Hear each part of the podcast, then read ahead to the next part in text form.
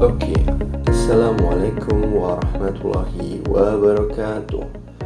Teman-teman di mana pun kalian berada Selamat datang di podcast pertama saya. Perkenalkan, nama saya Dava Amrul Rahmanta. Teman-teman di kampus biasa panggil saya Amru. Loh, kok di kampus?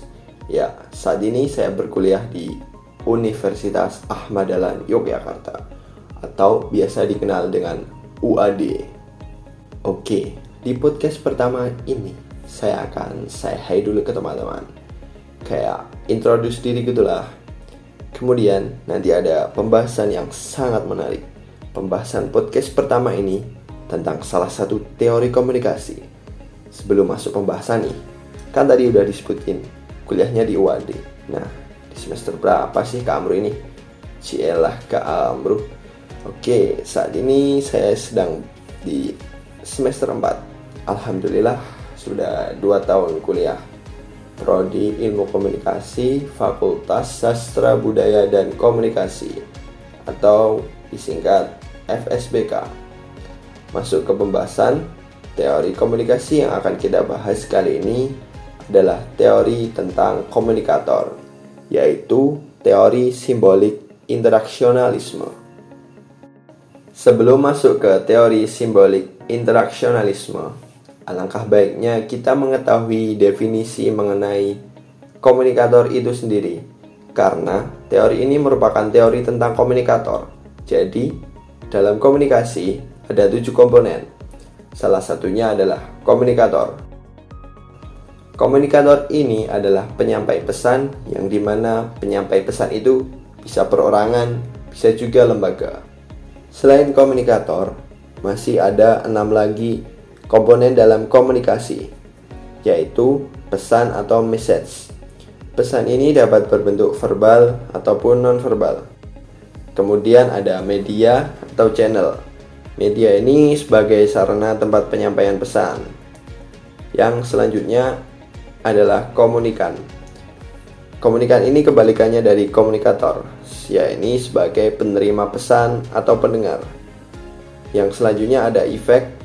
Efek ini hasil dari proses komunikasi, yang di mana efek ini merupakan tujuan dari proses komunikasi itu sendiri. Yang selanjutnya ada umpan balik atau feedback, yaitu tanggapan atas pesan komunikator dari komunikan. Yang terakhir nih ada noise atau gangguan.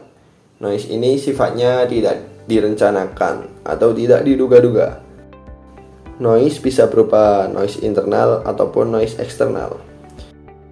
Oke, kembali ke komunikator lagi. Peran komunikator ini adalah untuk membuat komunikan menjadi tahu, berubah sikap, berubah pendapat dengan menyampaikan pesan. Selanjutnya, mari kita bahas inti dari podcast ini, yaitu teori komunikasi tentang komunikator, lebih tepatnya teori simbolik interaksionalisme, atau biasa disebut juga teori simbolik interaksionisme. Agak beda, tapi intinya sama, interaksionalisme dan interaksionisme. Oke, teori ini dalam tujuh tradisi ilmu komunikasi termasuk ke dalam semiotika dan fenomenologi. Semiotika sendiri memfokuskan pada tanda-tanda dan simbol-simbol yang memperlakukan komunikasi sebagai jembatan antara dunia privat dari individu-individu dengan tanda-tanda untuk mendapatkan makna. Sedangkan fenomenologi memfokuskan pada pengalaman pribadi, yang di mana komunikasi di sini dilihat sebagai pertukaran pengalaman pribadi melalui sebuah dialog. Teori ini diperkenalkan dan dikembangkan oleh George Herbert Mead pada pertengahan abad 20. Teori ini adalah teori yang paling sering dikaitkan dengan beliau. Yang selanjutnya berlanjut menjadi beberapa pendekatan teoritis, salah satunya oleh Herbert Blumer dari Masab Chicago. Menurut definisi yang disampaikan oleh Herbert Blumer, teori simbolik interaksionalisme adalah sebuah proses interaksi dalam rangka membentuk makna atau arti bagi setiap individu.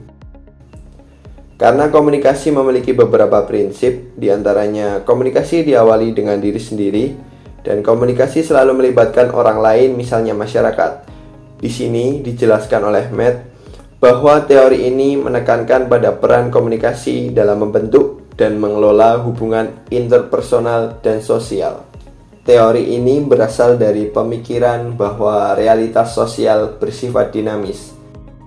Individu dalam realitas sosial tadi berinteraksi menggunakan simbol. Simbol ini memiliki makna yang dihasilkan dari proses negosiasi yang berkepanjangan oleh mereka yang terlibat. Makna dari simbol ini bersifat dinamis dan variatif. Hal ini berkaitan dengan kepentingan serta perkembangan individu yang terlibat di dalamnya. Makna diciptakan oleh interaksi individu dengan individu yang lainnya, yang kemudian dapat dimodifikasi melalui interpretasi. Teori ini juga mengasumsikan bahwa bagaimana manusia berinteraksi dengan manusia lainnya tergantung pada makna yang diberikan oleh manusia lainnya. Dalam proses sosial, manusia menggunakan simbol untuk mempresentasikan maksud mereka. Simbol-simbol tersebut menghasilkan makna seperti yang telah dijelaskan di atas tadi, yang di mana menghasilkan makna dari interaksi sosial. Simbol juga merupakan objek sosial yang muncul dari hasil kesepakatan bersama dari individu-individu yang telah menggunakannya. Simbol sosial tersebut dapat berwujud objek fisik, bahasa, dan tindakan. Dalam interaksi manusia menggunakan simbol, manusia menginterpretasinya dengan pikiran atau mind Mind adalah proses yang dimanifestasikan ketika individu berinteraksi dengan dirinya sendiri dengan menggunakan simbol-simbol signifikan, yaitu simbol atau gestur dengan interpretasi atau makna. Di sini, individu ditempatkan sebagai pelaku aktif dalam pembentukan makna, sehingga konsep mengenai diri atau self menjadi penting. Menurut William D. Brooks, Konsep diri adalah persepsi tentang diri kita yang bersifat fisik, sosial, psikologi yang diperoleh lewat pengalaman, nilai keyakinan, emosi, kebiasaan, dan interaksi dengan orang lain. Namun di sini, diri tidak terisolasi karena ia bertindak dalam kelompok individu. Diri memaknai simbol dengan adanya individu lain yang berperan sebagai cermin untuk melihat diri sendiri. Di sini, self juga dapat merujuk pada kepribadian reflektif dari individu untuk dapat memposisikan diri di dalam posisi orang lain untuk melihat dirinya sebagaimana ia melihat objek yang berada di luar dirinya. Konsep ini disebut dengan looking glass self. Dalam konsep ini, manusia atau individu bisa membayangkan bagaimana penilaian orang lain terhadap dirinya, membayangkan bagaimana ia seharusnya tampil di depan orang lain. Self merupakan proses yang berlangsung terus-menerus yang mengkombinasikan antara I dan me. I adalah ego atau aspek dari eksistensi manusia yang tidak terorganisasi. Sedangkan me adalah identitas yang merupakan diri sebagai hasil interpretasi tentang apa yang dipikirkan orang lain. Salah satu implikasi dari kepribadian atau selfhood menurut Bernard M. Meltzer adalah Kepemilikan diri membuat individu dari sebuah masyarakat dalam bentuk miniatur. Manusia dapat melibatkan diri dalam interaksi. Mereka dapat memandang diri mereka sendiri dalam cara pandang yang baru. Dari interaksi antar individu yang terkoordinasi tadi dapat membentuk society atau masyarakat. Menurut Herbert Blumer, terdapat tiga premis utama dalam teori ini, yaitu yang pertama adalah Manusia bertindak terhadap sesuatu objek atas dasar makna yang dimiliki benda-benda itu bagi mereka. Yang kedua, makna tentang sesuatu terbentuk dari interaksi dengan individu lainnya dan masyarakat yang terjadi secara berulang-ulang. Yang ketiga, makna-makna tersebut diciptakan ulang melalui suatu proses penafsiran yang digunakan oleh setiap individu dalam keterlibatannya dengan objek yang dihadapinya. Orientasi metodologi dalam teori interaksionalisme simbolik adalah interaksi manusia yang saling menginterpretasikan tindakan masing-masing melalui penggunaan simbol-simbol untuk memperoleh pemahaman makna.